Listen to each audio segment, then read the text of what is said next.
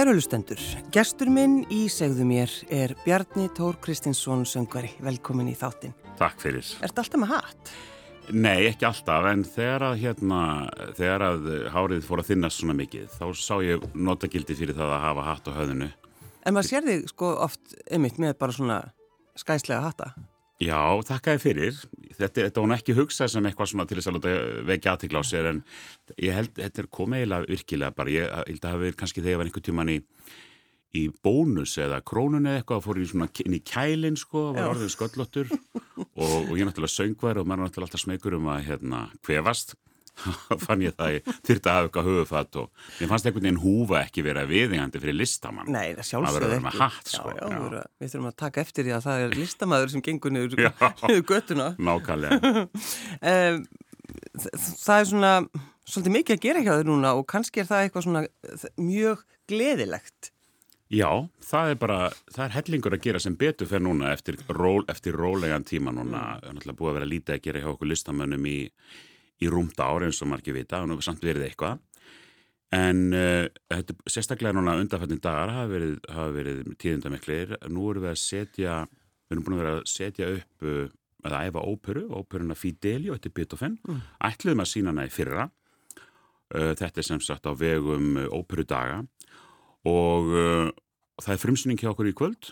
Þannig að það er mikið að gera, við erum auðvitað pínlítið með öndin í halsunum sko út af sólöllu ekki út af samkomi takmörkunum eða sótvördum, það er allt tipptopp bara auðvitað að við sjálfsam tökum þátt í þess að við endum ekki í sótkví eða veikjumst eða eitthvað og bara 7.13 ég lem hérna í borði hjá þér að ég vona að ég sé ekki að hvernig segir maður, jinxa þetta jú, jú. með því að vera að tala um þetta en það er síning hjá okkur í kvöld og við erum búin að vinna í þessu núna sem er doldið merkilegt. Við erum búin að vera í meirinn ár að undirbúa þessa síningu sem vanalega tekur bara kannski 2-3 mánuði mm.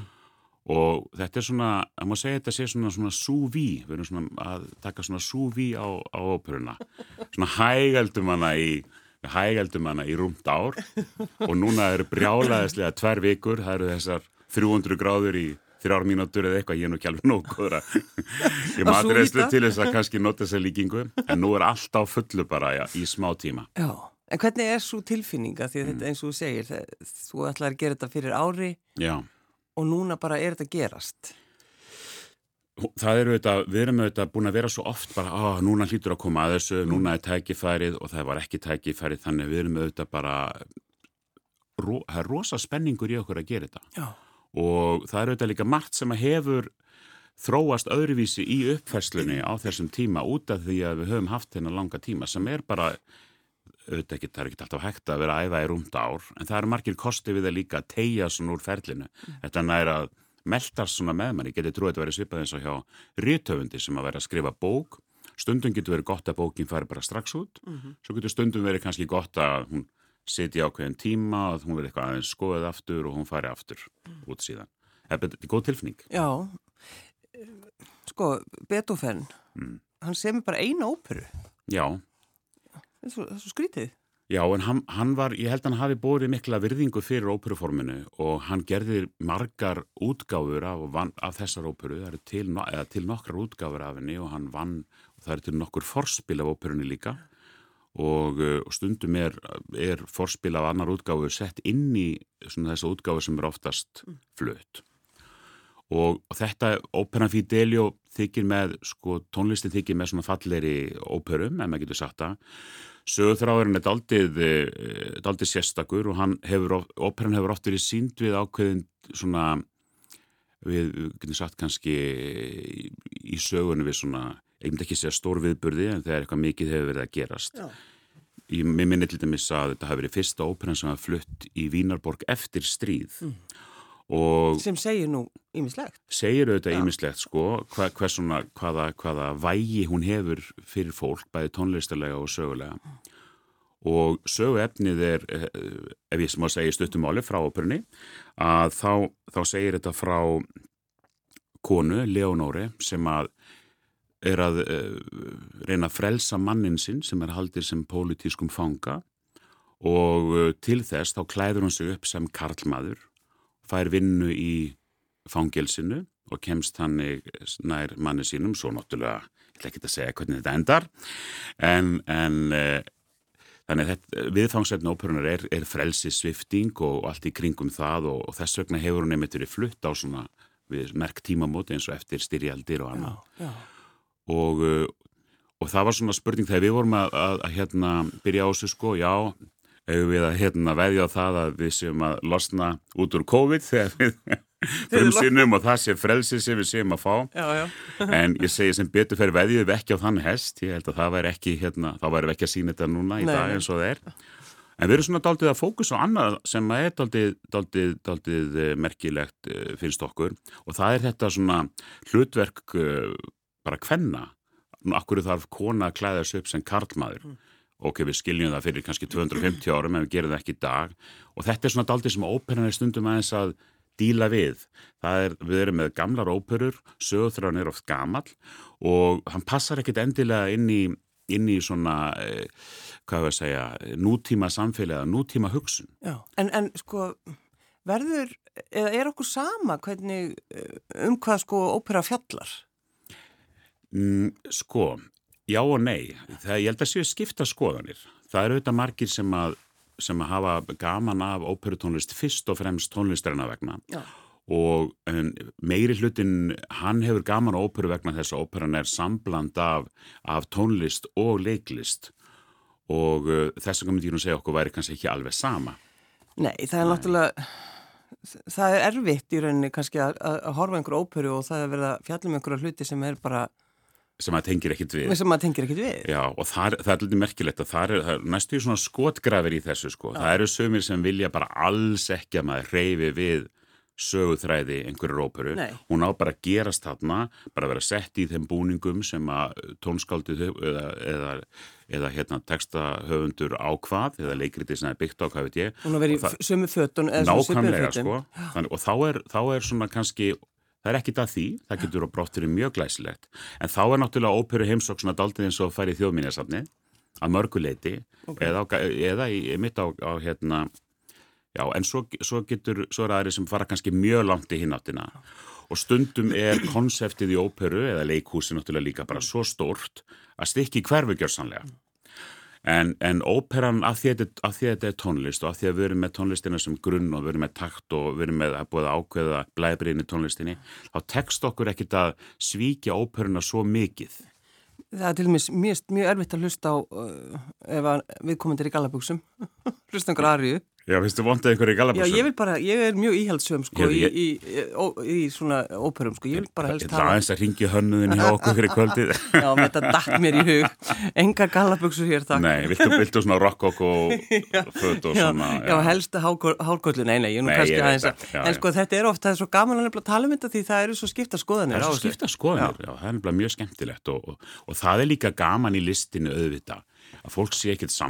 sé En finnir maður ekki ofta einmitt þegar verður að setja upp einhverjar óperur, þessar mm. svona klassísku sem við elskum, Já. að einmitt að maður finnur alltaf eitthvað sem tengir okkur Jú, við. Annars væri þetta náttúrulega bara ekki, það var náttúrulega samið 150 sunni meira óperum heldur en það sem við þekkjum í dag. Já, já, og er sem að hafa einhverja svona klassíska skýrskotun, það er lifa. Já. Eða þá tónlistin sem er bara gjörsanlega frábær. Reyndar verður að segja það með Fidelio að sko þar hefur tónlistin haldið verkinu á lífi fyrst og fremst af því að þessi, eh, já, þetta með frelsið eru þetta stundum eins og eftir kannski heimstyrjöld er þetta viðfóngsefni sem við viljum vera að hlusta á og horfa á mm -hmm. en það er kannski ekki í nútíma samfélagi kannski síður og þess vegna eru við mitt að reyna að finna einhver aðra vinkla á verkinu núna. Er, er hún, sko, er hún hetja í óprunni? Já, já, hún er alveg hetja, það er já. ekki spurning, þetta er, þetta er hvern hetja, já. en hún þarf að, að breyta sér í Karlmann til þess að koma sín áleiðis og kynja hlutverkin í óperunni eru þetta eins og var bara í öllu þessum tíma mjög skýr uh mhm. -huh. og við erum svona aðeins að, við erum aðeins að leika okkur með þetta, já. við erum ekkit að, erum ekkit að reyna að vera með einhvern hérna vísifingur og segja fólki hvernig þetta eigi að vera, heldur kannski, kannski vonandi fáið fólk til þess að helst að rýfast bara eftir síningu, það er náttúrulega langt best. Það er sko. náttúrulega, Já, þá er þetta blóður, blóður drifrildi. Sko. Já, akkurat. En að, sko, því þið, þið flytið þessa, þessa óperu í uh, Norðurljósasalinn. Já, og þetta er sko, hún uh, Gauja Sandholt sem að fer fyrir, uh, fyrir hérna hátíðinni, að hún fann uh, útgáfu í bandaríkjunum fyrir sjömanna hljómsveit og við hefðum auðvitað óperudagar sem, sem, sem kompani hefði aldrei geta sett upp Fidelio með risastórum kór og risastóri hljómsveit. Það er bara fjárhanslega ekki, ekki mögulegt. En hún fann þessa útgáfu og, og skoðaði hana og, og fekk til liðsvisi með ungan frábæran danskan uh, hljómsættarstjóra, Stefan, sem manningin sem eitthvað heitir eftirnafn, við erum náttúrulega öllu þetta í Íslandi bara í fornóttan, fyrir göðu Stefan og þetta hlusta á mig. Og, og, og, og það eru sjö spilarar sem spila sem eru úr symfóníunni, frábæri spilarar. Og þau hafa verið að vinna náttúrulega undanfann daga í tónlistinni og þetta, okkur finnst þetta sem höfum verið að æfa þetta bara með píanói hinga til, vera algjör galdur, hvernig sjömanna hljómsveit nær næra að breyta þessu verki bara næstuði í eins og við værum með fulla hljómsitt. Ég segi það, ég fullrið það bara en í þessu rými. Já, já það, er, þess, það er þetta rými í Norðurljósasalunum. Og, og, og, og Harpa er náttúrulega Harpa er náttúrulega frábær staður til þess að, til þess að setja upp uh, svona hluti eins og þetta, þá er ég að tala um Norðurljós, mm -hmm. þar sem við, það, það er þetta að leika sér með hljómburðin fram og tilbaka og við getum líka leikið okkur með sviði því eins og veist í Norðurljósum er ekkert fast svið. Mm og það er einmitt það sem við gerum. Við færum svið út á gólfið, höfum áhorfandur á þrjá vegu, svona eins og íþróttakapleik og hljómsveitin á, á fjörðuhliðinni. -hmm. Og ég veit það, það verði ekkert allir ánæði með þetta margi vilja hafa óperuna eins og hún var í gamla dag upp á sviði og við í rokkokobúningum og allir snúa fram og, og ég veit ekki hvað og hvað. En við erum að reyna að gera svona alvöru leikús úr þessu. Já. Það er svona okkar. En það er líka skiptimáli. Já, mér finnst það og þetta er stitt útgáfa líka. Þetta er ekki einum og halvun tíma, það er ekki pása, þetta á að vera aðgengilegt en á sama tíma vonandi augrandi og svo er þetta líka, svo er óperan líka skemmtileg. Það eru fullt af komiskum, komiskum elementum í henni. Já. Og svo eru, það eru, það eru frábæri söngvarar í þessu, uh, Egil Átni, syngur Florestan sem er sem sagt fangin og uh, Fideli og Eleonori syngur Gauja Sandholt. Mm. ég syng hann á Rokko ég tróð mér náttúrulega í það hlutverk. Uh, Gissur Pál syngur Giacchino og Dísela, hún syngur Marceline og Ottur, hann syngur uh, ómennið Pizarro sem er, sem er í orginalútgáfinni er fangelsistjórin ef að við værum með þetta í fangelsi, Já. svo ég segi ekki með Já, akkurat, en Já. sko, er þetta rosalega stór hann, stór ópera þegar Beethoven uh, skrifar þetta, er þetta alveg já, risa? Já, þetta er alveg sko hljóðfærasetningin og allt þetta, þetta er alveg svona stór ópera og risa kórar og við erum ekki með kórin og það er, hún er stitt og það munar um mm. umdalduðum að kórarnir er ekki með því og þetta eru auðvitað mjög, mjög stort stikki og þannig er hún komin í svona, í svona minna form sem er bæðið aðgengilegra peningalega til að setja upp og líka kannski að mörguleita aðgengilegra fyrir fólk sem að er kannski ekki alltaf í óperunni. Þessi ágættisleið til þess að kynast óperu að fara á, á svona útgáð eins og þessa. Já, Bjarni, það er líka mitt oft gaman að tala um það, þú veist, hvernig eigum við að, hvernig eigum við að kenna fólki og kannski ungu fólki að, að hlusta og kunna meta óperu. Já, sko... Ég hef oft talað um þetta við steininu byrnu, sko. Þetta er nefnilega, þetta er svo áhugavert já, að tala um þetta. Já, það er eitthvað, sko, ég, ég kenni nú persónulega, kenni ég tinna um þetta að því að sko, í tinnabókunum að þá var, hvað hva héttu nattur hérna söngkonan í tinnabókunum Væla. Ve, Væla, já, Væla Veinolína Væ, já, já, sem var alls ekki þannig í sko upprunnilega textanum. Get ekki svona nafni. Að einhvern tíman er tinna á flókta sko og hún bjargar honum. Og fer, hún fyrir að syngja í bílum og þá ákveður hann samt frekar að fara út úr bílum heldur en að vera í bílum með óperusöngkonni. Ég er alveg uppið þetta. Og þá var bara, bara stým blíman, já þetta er bara hallærislega óperutónlist er bara hallærislega Ég hef nú bara aldrei heyrt þessa hlið. Ég er alveg, ég er sko algjörlega sammálaðir Já, ég veit ekki hvað er sko ég held að, ég held að náttúrulega fyrst og fremst verður bara ópera verður litið sínileg og, og það náttúrulega þú veist, við erum við eitt stórt óperukompani hérna. Og svo er, svo er þetta græsrótarfélag sem að eh, óperudagar eru. Og það er bara mjög mikið til þess að, til þess að, að, koma óperu list, listformunu nær, nær fólki ein leið líka eins og held ég að sé það sem við erum að gera er að fara kannski óvunlega leiðir við erum, að, við erum að ekki að gera það á kostnað tónlistarinnar eða formsins sem slíks heldur kannski freka bara að gera gera viðfánsefni meira relevant svo ég sletti nú einu sinni enn og uh, það held ég að sé einlega til þess að ná, ná ungu fólki. Mm. Ég held að sko þetta er ekki spurningin um að poppa eitthvað upp eða breyta einhverju eða eitthvað. Við getum náttúrulega bóðið fólki ókipis bjóri eða eitthvað svo leiðist, þá myndi fyllast í óperuna. Þá við að fá fólkin á röngum fórsendum. Og þetta er ekkit spurningin um að allir hafa áhuga. Við heldum bara kannski það að þeir sem að hugsanlega hefðu gaman að einhverju svona, þeir tækju þetta fyrsta skref einhver tíman á æfinu og myndu kynast þessu. Já. Það er náttúrulega bara út í hött að ætlast til þess að allir hafi gaman að öllu. Nei, það er náttúrulega gengur ekki. En Bjarni Tór, þú, hvað, þú byrjar í stjórnmálafræði? Já, ég var í stjórnmálarfræði, vá, þetta er nú svo langt í burtu. Ég var í stjórnmálarfræði bara hérna fyrir 30 árið síðan. En, en var það, þú veist, var, var þá söngurinn ekkert komin til því? Nei, hann var nú eiginlega, ég var aðeins, aðeins búin að vera að syngja í, hérna, ég var búin að vera í söngnámi svona með, sko, mm. en, en ekki af neinu, ekki af neinu ráði, ekki þannig, var í, var í mitt í háskólanum í stjórnmálarfræði og Sást, já, já, þú sást einhverja framtíð í því, eða hvað? Ég var ekkert þannig að hugsa svo langt. Ég, mér fannst námið alveg frábært. Ég var ekkert búin að hugsa kannski um hvað maður myndi starfa við.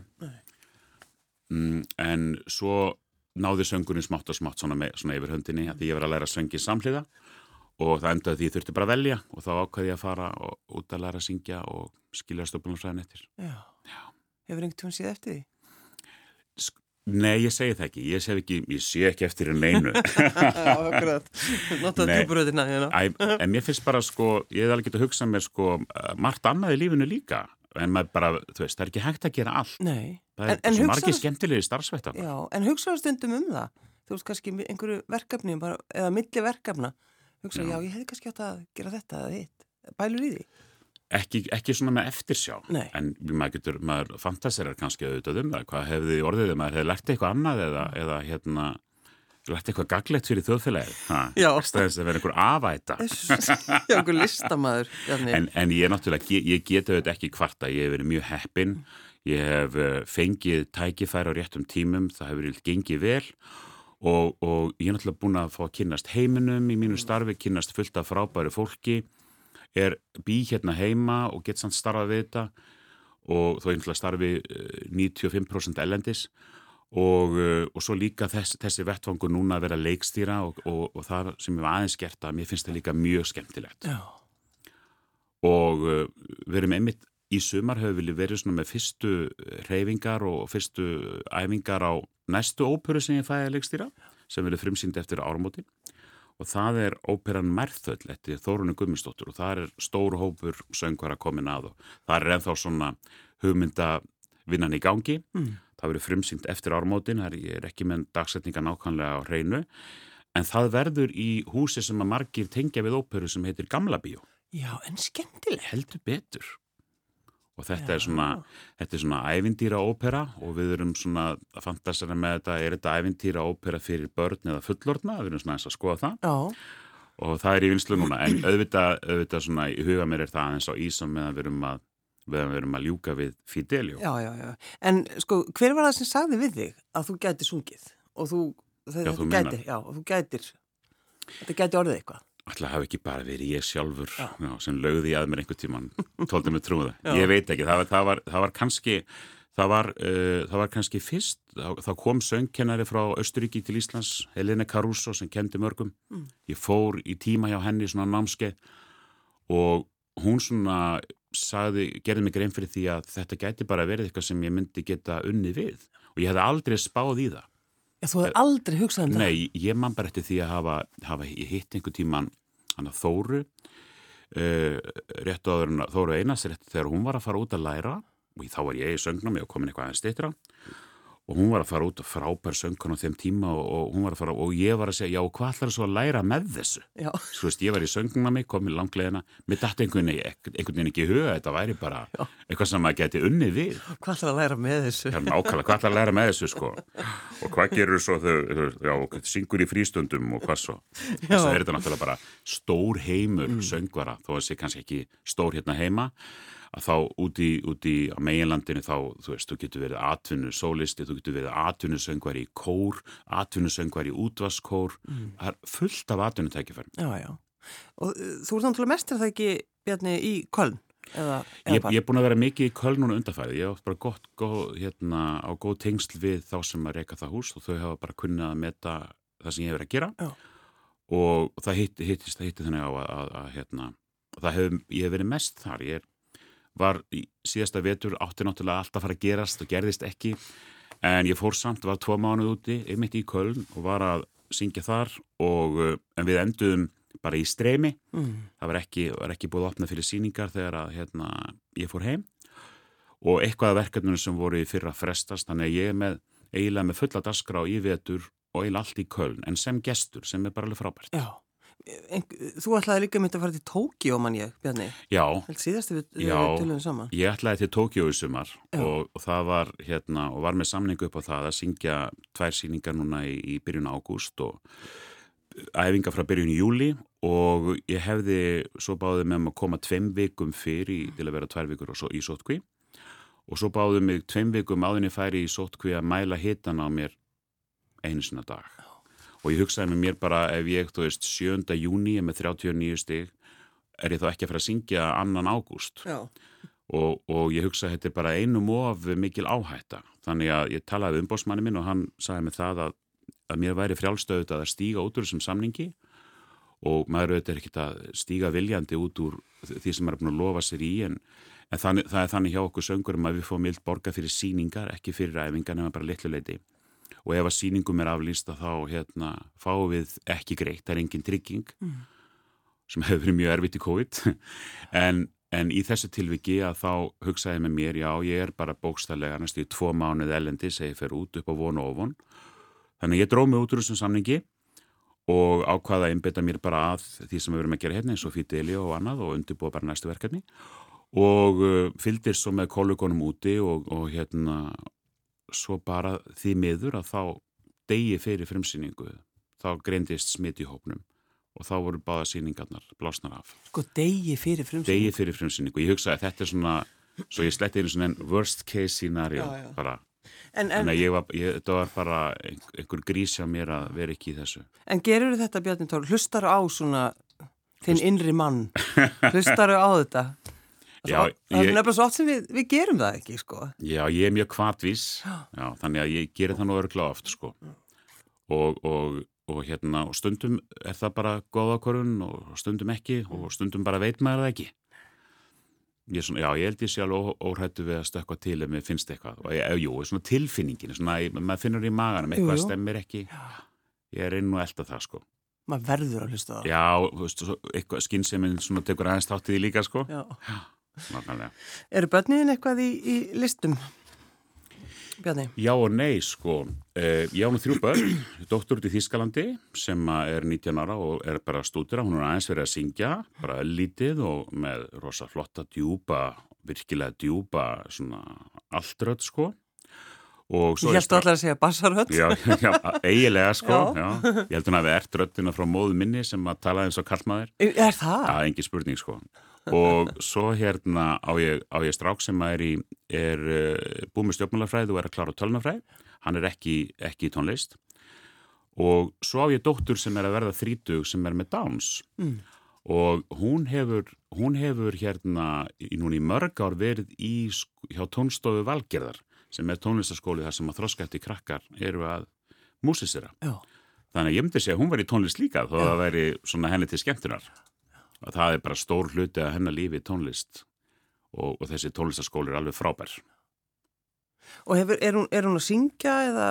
Já, hún, Jóhanna Maria heitir hún, hún hérna kann alla texta náttúrulega, Já. alveg saman að hún tala ekki ennsku en hún kann líka ennsku textana og hérna syngur hátt og mikið með og, og hérna, já, hún syngur fyrst og fremst, það er eiginlega það sem hún gerir sko og mjög öðvöld með að koma fram og svona kynna sig og tekur svo mikrofónin og, og syngur og, og svona, hún syngur dáltið á einum tóni bara en það skiptir auðvitað engum máli. Innlifunin er mikil og, og mikil tólkun og svona.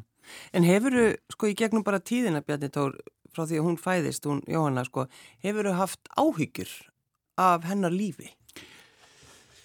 Um, eiginlega ekki. Ég, við erum svona, ég held að sko, við erum svona fyrsta, uh, hún er svona fyrsta kynnslóðin af, af, af krökkum hún fæðist 91 sem var svona ferinn í tiltölulega gott samfélag hvað varðar þroskahefta. Mm. Tíu árum áður var það auðvitað öðruvísi. Mm -hmm. Við það voru all, all þjónusta opinn allt í bóði þegar hún fæðist og, og, um, og hérna þannig að sko þetta hefur, þetta hefur í grunninn gengið bara mjög vel síðan hún var lítil, það eru auðvitað þetta eru auðvitað líka erfitt, getur verið það en, en svo hefur hún bara verið hennar karakter, hún hefur verið hamingisöm það er reyndar klísjað allir með Downs séu hamingisamir en hún hefur verið lífsglöð og hamingisöm og jákvæð og, og svona allir sterkur karakter og svona döglega hérna, koma sínu áleiðis sem að skipti miklu máli. Þannig að, þannig að ég einhvern veginn hef ekki haft uh, stórar áhyggjur af henni og hún hefur búið hjá sem sagt fjölskyldumömmu sinnar alla tíð, þannig að hún er að verða þrítu en núna ég vetur að þá kemst hún í búsætu úrræði fyrir, fyrir fallaði einstaklinga í, í Hafnafyrði og þar mun hún búa á samt uh, nokkur möðurum vinnum sínu sem eru öll með dáns mm. mjög svo spennandi og, og, og hérna og ég veit að þetta ganga mjög vel Það er alveg svona nýtt tímabil þá í hennar lífi Það er svona nýtt tímabil í hennar lífi sko og þetta, hún á þrítugsammæli núna í september og það er, það er hérna gríðarlega, hún er búin að vera undirbúða síðan, hún var 29 ára fyrir árið síðan. Alls konar veistluhöld og, og ráða tónlistafólk og ég ekki hvað og hvað þetta verður mikið veistla og, og næsta skrefa eftir verður þetta, þessi flutningur. Fer hún sko á óperusýningar? Þannig Uh, Jóhanna Marí hefur nú komið á einhverja síningar, hún er ofkomið á tónleika, henni er mjög gaman á, á tónleikum, sérstaklega sagt, íslensk tónlist hún, hún, og þekkir allir sér lög og svona og hef, hlustar líka alveg á svo leiðis, mm. þannig hún er alveg gaman á því, Já. heldur betur. En núna ertu svona, þú komst inn inn sko alveg með, það var spritið og, og varst með grímu já, og já. allt þetta, því það er akkurat þessi, þú veist, þú verður að passa þig. Já. Það eru tónleikar í kvöld Já, mér finnst bara líka... Það er ekki tónleikar heldur, síningin það er í kvöld, frumsýning í kvöld. Já, mér finnst bara líka sko, mér finnst ekkit mikið mála að vera með grímuna, þú veist, einunum manna fólk og mér finnst ekkit mála að spritta mig af og til. Mm. Og ég held sko að ef að við erum að gera þessa litlu hluti eins og þetta, þá erum við að hjálpa rosalega mikið til mm. að, að hérna, þetta far ekki bara úr böndunum aftur. Mm. Fyrir auðvitað náttúrulega það að maður auðvitað við viljum auðvitað ekki að neitt okkar í síningunni verði, verði veikt núna á frumsýningadegi eða þurfa að fara í sótkvöði því þá myndum við bara einfallega þurfa að blása þetta af. Já. Það kemur ekki alltaf maður í mann staði ekki að stuttu fyrirvari. Nei, en það er semst, uh, Bjarni Tór, það er frumsýning í kvöld Já. í uh, Norðaljósasalunum. Klukkan átta. Klukkan átta og Já. svo hvað önnur síning er það ekki? Það? Annurs, já, bara önnur síning annarkvöld. Og það er ekkit svo margi miðar í bóða því að við erum auðvitað með samkomi takmarkanir og, og röðum þannig í salin ég held að við séum með að hámarki kannski 250 sæti það er fyrir þetta í hvernig þau raðast aldrei. Já, einmitt. Og, uh, og við vitum alveg af þessu og, og hérna og uh, já, þetta hérna, það er bara, ef ég svo að segja, það er bara þessi tvö skipti og, og við erum bara svo þakklátt fyrir að þetta við séum að komast á koppin og uh, það verður bara, það verður líka bara mjög skrítið, við erum búin að æfa núna þessa viku og það hefur gengið vel 7.13 og og það verður bara svo gaman að hafa áhorfendur líka. Þetta er rauninni sko er... já, ég minna þetta er bara þetta hlýtur að vera sko ótrúlega tilfinning fyrir ykkur og bara að að þið séu að fara á svið. Já, það er þá, þetta er líka bara frábær hópur það er rosalega stemming, þetta er atvinnu fólk og, og við erum bara svona daldið eins og kalvar mm. eða sem verður að leipa út sko. Þið eru bara að trillast úr gleði. Já, þetta er svona, það er svona mikið, þú veist, það er svona mikið spenningur í manna að, að gera eitthvað sko. Já og ég finn það alveg líka að fólki er rosa margir sem ætla að koma líka bara loksins eitthvað að gerast og, og hérna og, og þeir sem hafa þeir sem hafa áhuga á óperu í Íslandi eru þetta líka fólk vill að sé meira að gerast. Það verður einhvern veginn, það verður eitthvað að gerast í samfélaginu til þess að sé meiri óperustar sem er því að auðvitað lifir óperan ekki ef það er ekki fluttanir óperur. Nei, nei. það er bara málið Þannig að framöndan hjá þér er, er, er góðir miskusti tveir dagar ef ekki, ekki fleiri. og svo náttúrulega eh, er það Þískaland sem maður kallar. Já, svo er ég einmitt í Þískaland og svo kem ég heim eftir áramótin og þá setjum við upp merðöll. Já, og svo eitthvað meira það ekki? Er það ekki farið að gera svo, syngja eitthvað meira hér? Nei, ég Nei. ekki, ekki segi mann. Nei, ekki. Ég hætti ekki að syngja. Ég, það er valkjörun að vera fluttar eftir áramótin, ég er nú ekki með því. Nei. En kona mín er í því, Lilja. Já. Og Lilja hérna, Guðmundsdóttir sem er söngkona og, og félagsrákja. Og félagsrákja. Hún lærði eitthvað, eitthvað annað eins og þú spurði Þóru. Já, nákvæmlega, hún var svona... Já, hvað annað ætlar að læra? Já, hún dúlaði sér svona í félagsrákja með, sko. En svo, svo bara hitti þannig á að, að hún, hún hérna hafði verið að vinna lengi á, eða svona alltaf með náminu á sambíli og þegar hún var búin að ljúka námið þá, þá losnaði staða forstöðumanns og hún sóttu þá og fekk það. Já. Þannig að hún er sem sagt að synd fyrir okkur í, sem að elskum að heyra hann að syngja því hún er frábær sönguna að hún er alltaf gaman til að syngja meira en, en, en hún er sem sagt er með fæturna í, í, í hérna vennilögu starfi. Já, vennilögu starfi. og nákvæmlega og er síðan að syngja og kenna söng þessan villi Við ætlum að spila í lokin já, við ætlum að hlusta á er þetta ekki forleikurinn? Jú, þetta er forleikurinn af, af Fidelio. og þessi útgáfa sem að ég held að, að við séum með núna, ég er ekki alveg viss hvað útgáðu valdir sko, en yfirleitt er... Hvað þá ég? Já. Það er ekki bara fínt að, að klára þetta með því að hlusta á þessa indislegu tónlist, Bjarni Tór Kristinsson, söngvari, takk fyrir að koma. Takk fyrir mig.